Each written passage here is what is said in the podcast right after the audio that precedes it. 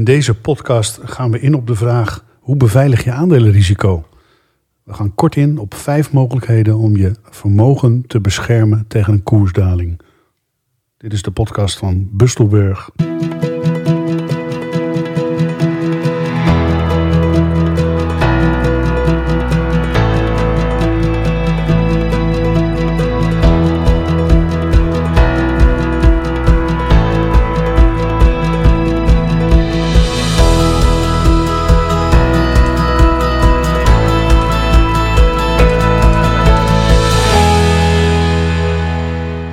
Welkom bij de Stokpot en podcast over beleggen gesproken. Uh, we zitten hier met uh, Jack Alders, uh, senior beleggingsadviseur bij Bustelberg.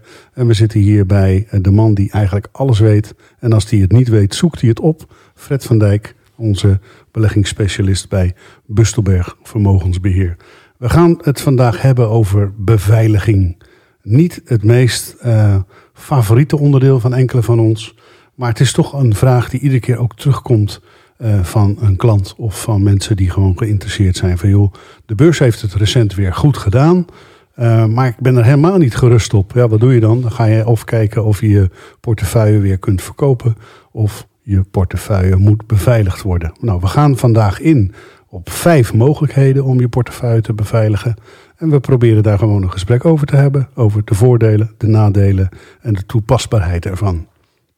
Uh, de eerste, Fred, dat is eentje voor een, uh, die, uh, die jou op het lijf geschreven is. Als je risico verwacht, verkoop dan een deel van je portefeuille.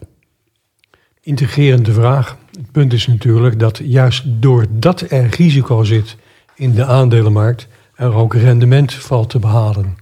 Dus echt inspelen op het uitsluiten van veiligheid ja, dat maakt het er niet makkelijker op voor, voor de belegger. Nee, nee, want dan heb je het over timing eigenlijk. Hè? Ja, timing is uh, het moeilijkste element uh, voor elke belegger. En soms moet je een beetje tegen het gevoel uh, inhandelen. Maar juist het aanbrengen van beveiliging kan je ook behoeden voor verkeerde beslissingen. Ja, ik hoor je altijd zeggen, en ehm, jij bent altijd de man van de mooie uitspraken, de one-liners. Ehm, een goede belegger heeft altijd wat cash in, in zijn achterzak. Ja, als ik iets heb geleerd van uh, al die jaren dat ik beleg, is het wel dat je het onverwachte ook moet verwachten. En juist op dat soort momenten is het heel aangenaam om wat geld aan de zijlijn te hebben staan. Maar dan ook echt gericht in te gaan zetten op het moment dat zo'n fenomeen zich voordoet. Ja, en is dat 30% van de portefeuille of 10 of 5%? 30% is, is veel te veel, want dan ga je uiteindelijk uh, de boot missen. Dan mis je echt heel veel rendement. Ja. Maar een belegger die op een gegeven moment 5 of 10% kas heeft of iets wat daarop lijkt, ja, die kan goed inspelen op de mogelijkheden. Ja, nou, dat klinkt, dat klinkt eigenlijk wel prettig, hè? Dat je nog even iets hebt en je ziet die daling in de beurs. En je denkt, nou mooi, maar ik heb eh, ook nog wel wat geld straks om wat lager in te stappen. Jack, toch zijn daar ook wel wat nadelen aan uh, verbonden. Ja, het, uh, het grootste nadeel is altijd wanneer ga je weer instappen. Er zijn altijd natuurlijk uh, op dat moment altijd signalen in de kranten die, uh, die, die aangeven van uh, dat het heel slecht is om nu in aandelenmarkten te stappen. En dan, ja, dan, dan, dan, durf je gewoon niet. Nee, de psychologische valkuil ja, voor beleggers heb je het dan over. Ja, ja. ja. en er zijn nog een aantal andere nadelen. De inflatie. het geld loopt bij je uit de zak, zeg maar. Ja. En uh, wat ook nog een uh, nadeel is, is, is uh, je mist een stuk dividendrendement. Ja, je bedoelt als je niet belegd bent, dan, hè, dan sowieso de inflatie die wast je de oren op dit moment zeker. En aan de andere kant, als je belegd bent en een aandeel daalt, dan krijg je in ieder geval nog kans, als je dat doet met dividendaandelen, ja. op een dividenduitkering. Ja. Nou ja, er zit wat in. Oké, okay, dat het, het, toch niet iets waar we eigenlijk op voorhand van zeggen, sluit het uit. Maar uh, pas het met mate toe en probeer vooral niet te timen. Want uh, timing is voor de gelukkigen, heb ik ook wel eens begrepen. Uh, het tweede, en nu gaan we dan toch wel wat technischer worden. Mm -hmm. we hopen het eenvoudig te houden. Mocht je vragen hebben naar aanleiding van ja, de inhoud... of mocht je nog iets willen weten wat je niet snapt... naar aanleiding van het luisteren van deze podcast... stel gerust de vraag... Uh, mail naar info.bustelberg.nl en stel gewoon je vraag, geen probleem. De tweede tactiek om je aandelenrisico te beveiligen is een hele klinische, vind ik zelf altijd. Dat is het gebruik van futures. Wat is een future? Ja, een future dat is inderdaad een contract op termijn, waarbij je feitelijk een onderliggende waarde, meestal de index, gewoon verkoopt. Ja. En dat betekent dat vanaf dat moment, als de beurs omhoog gaat, dan word je afgerekend. Als de beurs omlaag gaat, word je afgerekend. Als je dus short gaat in de future, dat staat eigenlijk gelijk aan het verkopen van een portefeuille. Daalt dan vervolgens de index, ja, dan wordt er geld bijgeschreven op je rekening. Ja, dus het moment eigenlijk dat je een portefeuille hebt en je wil je aandelen niet verkopen, maar je verwacht wel een daling, dan zou je dus een future in kunnen zetten. Hè, laten we het even hebben over de future op de DAX. Dat is een veelgebruikte future. Die is volgens mij ook het meest verhandelbaar van, van alle futures die er zijn. Um, het heeft ook wel wat nadelen. Ja, het is een professioneel instrument wat door grote partijen wordt gebruikt. Ja. Het is heel erg klinisch, maar het is ook een hele grote omvang. En de meeste portefeuilles zullen moeite hebben om die omvang te benaderen. En een ander niet gering nadeel is, die DAX-index, die beweegt zich op een gegeven moment in een bepaalde richting. En jouw portefeuille kan er wel eens heel anders uitzien dan die DAX-index. Ja, en dan werkt die bescherming dus niet optimaal. Nee, je zegt dus eigenlijk, je beschermt iets wat je niet hebt. Dus het is totaal nutteloos om te beschermen. Dan ben je weer aan het speculeren. Ja, er zit een speculatief element in. En voor de meeste beleggers is het toch net even te ingewikkeld. En ook te groot om efficiënt in te zetten in je eigen portefeuille. Ja, even kijkers en luisteraars, waar hebben we het dan over? Een DAX Future is 25 keer de onderliggende waarde van de DAX. En dan heb je het dus eigenlijk over een bescherming van ter waarde van 360.000 euro. Even Eén. snel gerekend, hè? Eén contract. Eén contract. Per contract. Ja. Ja. Um, Jack, um, we, we, passen hem wel eens toe. Uh, niet heel vaak. Uh, ook niet in alle soort portefeuilles. Uh, wat, wat, zijn de nadelen van een, van een future? Het dekt vaak niet de, de hele, hele lading, nee. nee, maar, ge, maar gedeelte van, ja. van, van de index. Um, uh, Jack, kijk even naar jou, want um, Future, we gebruiken hem zo heel af en toe. En ook niet voor allerlei portefeuilles.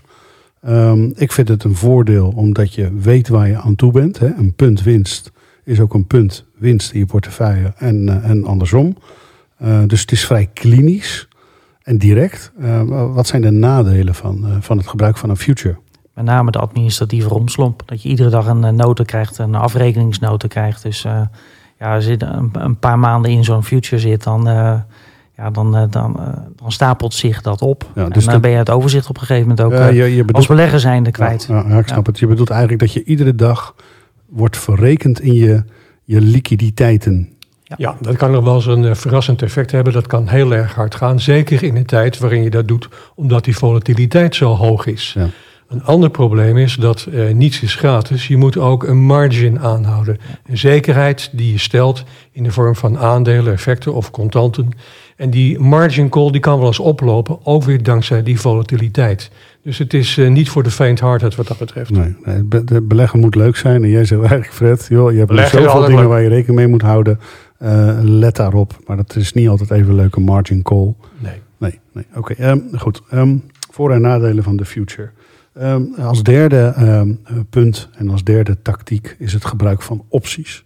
Dat lijkt heel erg op een future, maar is tegelijkertijd toch ook wel wat anders. Bij een optiecontract heb je ook een termijn en heb je een, een prijs die je afspreekt.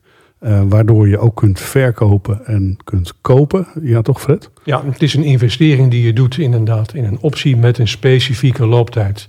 En dat varieert van één dag tot vijf jaar, keus genoeg. Ja, ja. Um, en het voordeel vind ik ook is, je kunt het op een index doen, maar je kunt het ook heel gericht doen op de aandelen die in jouw portefeuille zitten. Uh, Jack, heb je daar een voorbeeld van?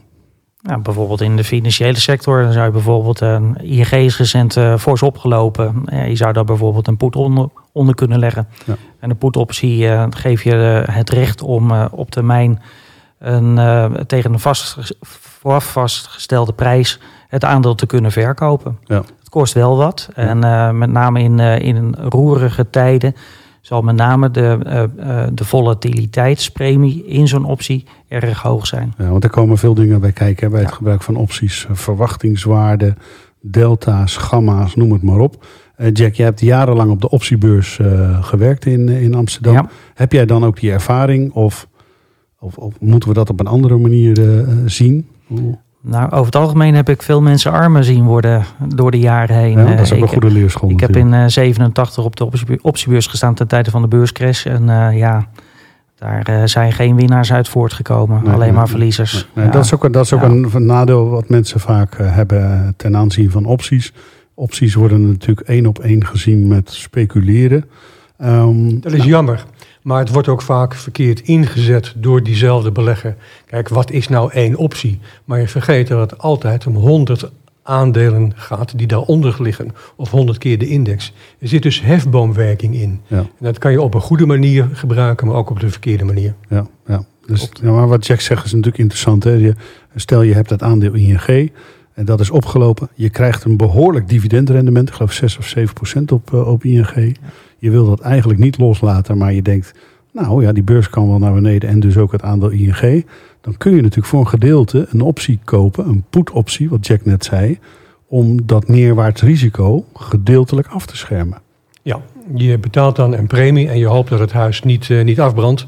Maar dat je na het eind van de rit nog steeds dezelfde aandelen hebt. Ja. Maar het zou natuurlijk kunnen gebeuren dat dat onverwachte zich dan toch voordoet. En dan mag je het verkopen tegen die vastgestelde prijs. Eh, meestal is dat heel erg gunstig, maar gelijk hebben en gelijk krijgen is twee. Want die looptijd die werkt op een gegeven moment tegen je. Ja. Dus jij zegt Fred, het kan, kan niet in alle situaties. Je moet wel een veelvoud van 100 aandelen hebben. Ja.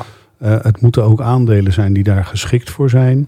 En je moet wel kennis in huis hebben van de techniek eh, en ervaring hebben met het gebruik van opties om dat toe te passen. Want er zijn natuurlijk allerlei verschillende mooie combinaties mogelijk. Hè, wij hebben bijvoorbeeld eh, beschermd beleggen, waarin we op sommige aandelen een dusdanige structuur neerzetten, waarbij de, eigenlijk de belegger vooraf kan weten, nou wat is nou de, de maximale, eh, wat zijn de maximale verliezen, Eh, maar wat is ook het maximale winstpotentieel. Dus je beperkt eigenlijk aan beide kanten van de uitslag, beperk je de uitslag zelf. Ja. Dat kan ook prettig zijn. Het geeft je een stukje gemoedsrust. Ja. Maar of het ook echt effectief is, ja, dat hangt van heel veel af. Ja, maar wij hebben die kennis toch wel in huis, Fred. Of niet? Ja. Oké, ehm, nou, dat is het gebruik van opties. Dus niet alleen maar voor speculatie. Fred zegt, als je het goed toepast, dan kun je er ook heel gericht eh, risico's mee, eh, mee beschermen. Eh, Jack heeft jaren op de optievloer gewerkt en die weet eigenlijk uit ervaring dat heel veel mensen er ook gewoon heel veel geld mee hebben verloren. Dus doe dat niet zelf. Informeer jezelf of informeer je bij de specialisten van Bustelberg. Ehm, we zijn alweer aan het vierde, eh, de vierde strategie. En dat is het gebruik van hefboomproducten. Weer zo'n enge hefboomproducten. We noemen het turbo, speeders, CFD's. Eh, de turbo is eigenlijk een soort merknaam geworden. Dat is ook een gebruiksnaam eh, geworden. Laten we Ja. die even houden.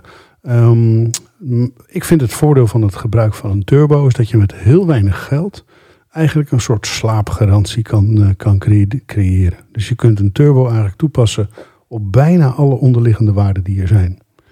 Eh, er moeten natuurlijk ook wel wat nadelen zijn, eh, Fred. Wat vind jij van het gebruik van turbo's in de portefeuille? Ja, ook daar gaat op een gegeven moment de volatiliteit een hele grote rol spelen. Zo'n turbo die kent bepaalde niveaus en als die doorbroken worden, kun je worden uitgestopt. Dat is toch iets wat je van tevoren goed moet bekijken. Want een optie heeft inderdaad een beperkte looptijd. Dat is nou weer het nadeel. Een turbo loopt in principe altijd door. Maar als op een gegeven moment markten tegendraads bewegen aan wat jij denkt dat er gaat gebeuren, ja, dan kun je dankzij die hefboomwerking veel geld kwijtraken. Ja, dus een hefboom is eigenlijk ehm, ehm, als iets met 10% stijgt, dan door een hefboom kun je bijvoorbeeld met 30% stijgen en Ja. vice versa. Ja, dan noemen we de hefboom 3. Ja, nou heeft de, de toezichthouder heeft dit jaar eh, eigenlijk een beperking gelegd op de maximale hefboom. En die maximale hefboom bedraagt 5. Eh, voorheen kon je echt met hefbomen van 30, 40 werken. Tegenwoordig kun je niet meer met een hefboom dan 5 werken. Dat betekent dus dat er wel wat veiligheid is ingebouwd ten aanzien van het uitstopmoment. Ja. Maar wat Fred ook zegt, blijf erbij. Ook hiervoor geldt weer is dat je, net als bij opties, je moet er kennis van hebben. Nou, gelukkig de websites die eh, turbo's uitgeven, die laten ook precies de rekenmodellen erachter zien. Dus je kunt jezelf wel informeren. Eh, maar je moet vooral ook er tijd voor hebben, alert op zijn en een beetje kennis van de werking van, eh, van turbo's is echt een must, hè Jack? absoluut. Gebruiken wij wel eens turbo's in een portefeuille? We hebben het in, uh, een tijdje geleden gedaan uh, toen de rente zo hard opliep in de Nasdaq. Ja. Stijgende rente is slecht voor vaak aandelen die ook in de Nasdaq zitten, met name de technologieaandelen. Ja, de groeiaandelen. De, de groeiaandelen. En uh, daar hebben we flink van uh, geprofiteerd. En uh, uiteraard natuurlijk wel weer te vroeg uitgestapt. Want we zijn ook best wel een beetje voorzichtige belegger. Ja. Maar dat heeft echt geen windeieren gelegd. Nee, ja, dus dat geldt voor allen met beleggen. Je hebt Ja. ook een beetje geluk nodig. En je visie moet ook uitkomen. En bij een turbo of een optie geldt dat natuurlijk zeker. Hè, omdat je vaak in een, in een beweging zit. Maar met die Nasdaq hebben we dat goed aangepakt. Ja, eh, zeg absoluut. maar. Ja. Moet- hoe, hoe kijken klanten dan naar zo'n... Moet je dat uitleggen? Of, of leggen we dat sowieso wel uit? Of vinden ze het leuk? Ja, dat is heel wisselend. Eh, ik heb wel een paar relaties erbij die er absoluut niks, niks mee, eh, mee hebben. Daar ook niet, niet, niets in willen doen. En eh, ja, de klanten die gewoon meegaan, die, eh, ja, die accepteren dat. En, en die vinden het gewoon prettig dat er gewoon een eh, soort eh, brandverzekering onder Ja. de Ja, portefeuille dat je zit. als het ware actief Ja. bent Ja. eh, met de marktgegevens. Fred, jij wilde nog iets En het zeggen. sloot echt heel mooi aan op onze visie. Ja. Dit. Ja. Ja. Je moet zo'n turbo ook niet zien als een losstaand instrument om nu even heel veel en heel snel geld te gaan verdienen.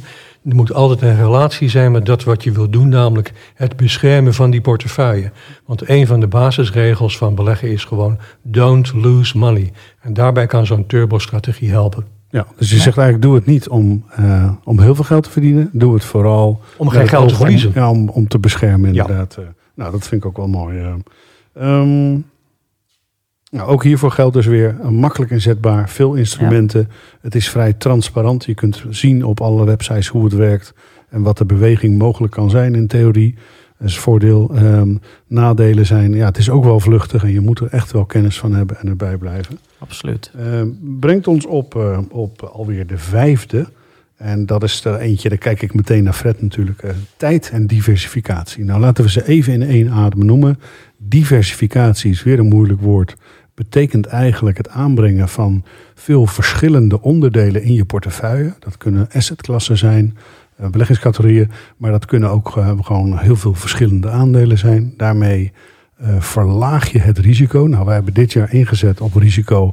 En we hebben dus ook heel veel aandelen in de portefeuille. Verschillende namen. Fred, klopt dat? Ja, het aantal namen dat is eh, behoorlijk hoog en dat zorgt ervoor dat het risico per regel een stuk minder is. Je hele portefeuille profiteert daarvan. Ja, dus als je eh, Apple hebt voor 10% van de portefeuille en dat gaat naar beneden, dan loop je voor 10% van de portefeuille loop je, loop je risico. Ja. En jij zegt, joh, neem dan eh, wel Apple, maar voor een heel laag percentage. En zet er nog vijf aandelen naast.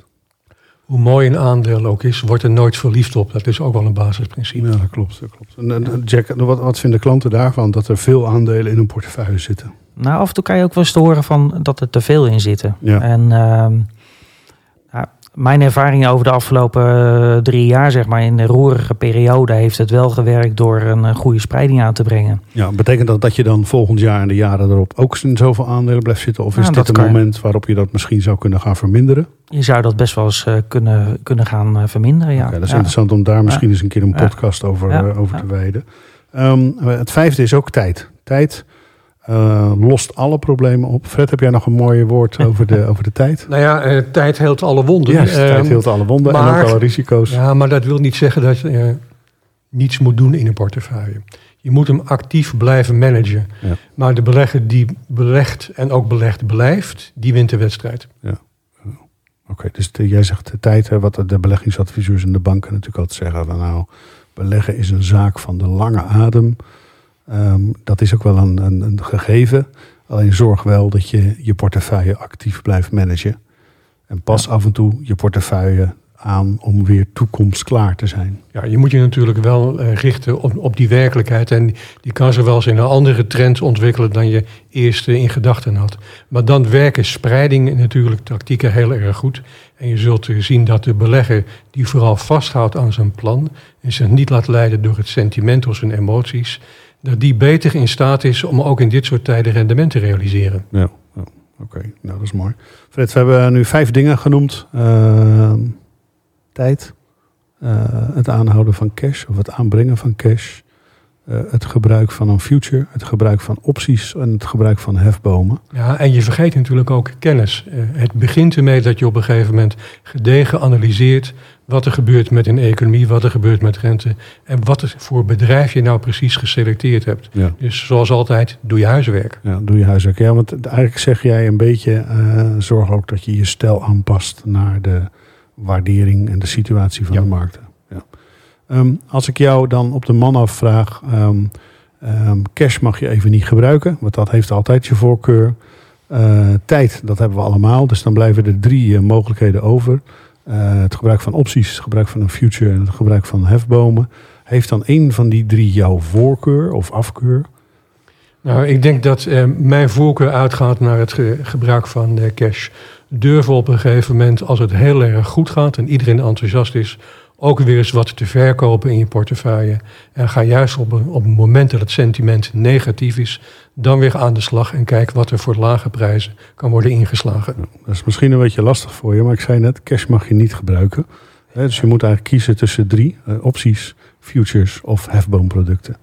Dan zou ik altijd gaan voor opties, omdat je daarmee toch zelf het heft in handen houdt. Ja, ja, dus doe dat niet zelf mensen. Eh, zorg dat, al, dat je dat alleen doet als je heel veel kennis hebt. Maar Fred zijn voorkeur, als hij dan moet kiezen uit drie, dan kiest hij voor het gebruik van eh, opties waarmee hij heel gericht eh, zijn risico's kan, eh, kan afdekken. Jack, aan jou dezelfde vraag. Ja, mijn voorkeur is ook opties. Want dan zou ik zeker in zo'n situatie kiezen voor beschermd beleggen. Ja. En dan is een call schrijven en daar een put optie kopen daaronder een hele goede strategie. Ja, Oké, nou wil je Ja. meer weten dan eh, eh, eh, bel of mail naar Bustelberg. Of stel je vraag via de e-mail info.bustelberg.nl. Deze podcast is te beluisteren op Spotify. Deze podcast is te zien en te beluisteren op YouTube. Maar je kunt hem ook via onze website www.bustelberg.nl gewoon volgen. Er zijn ook meerdere podcasts. Bedankt voor het luisteren en voor het kijken. En tot de volgende keer.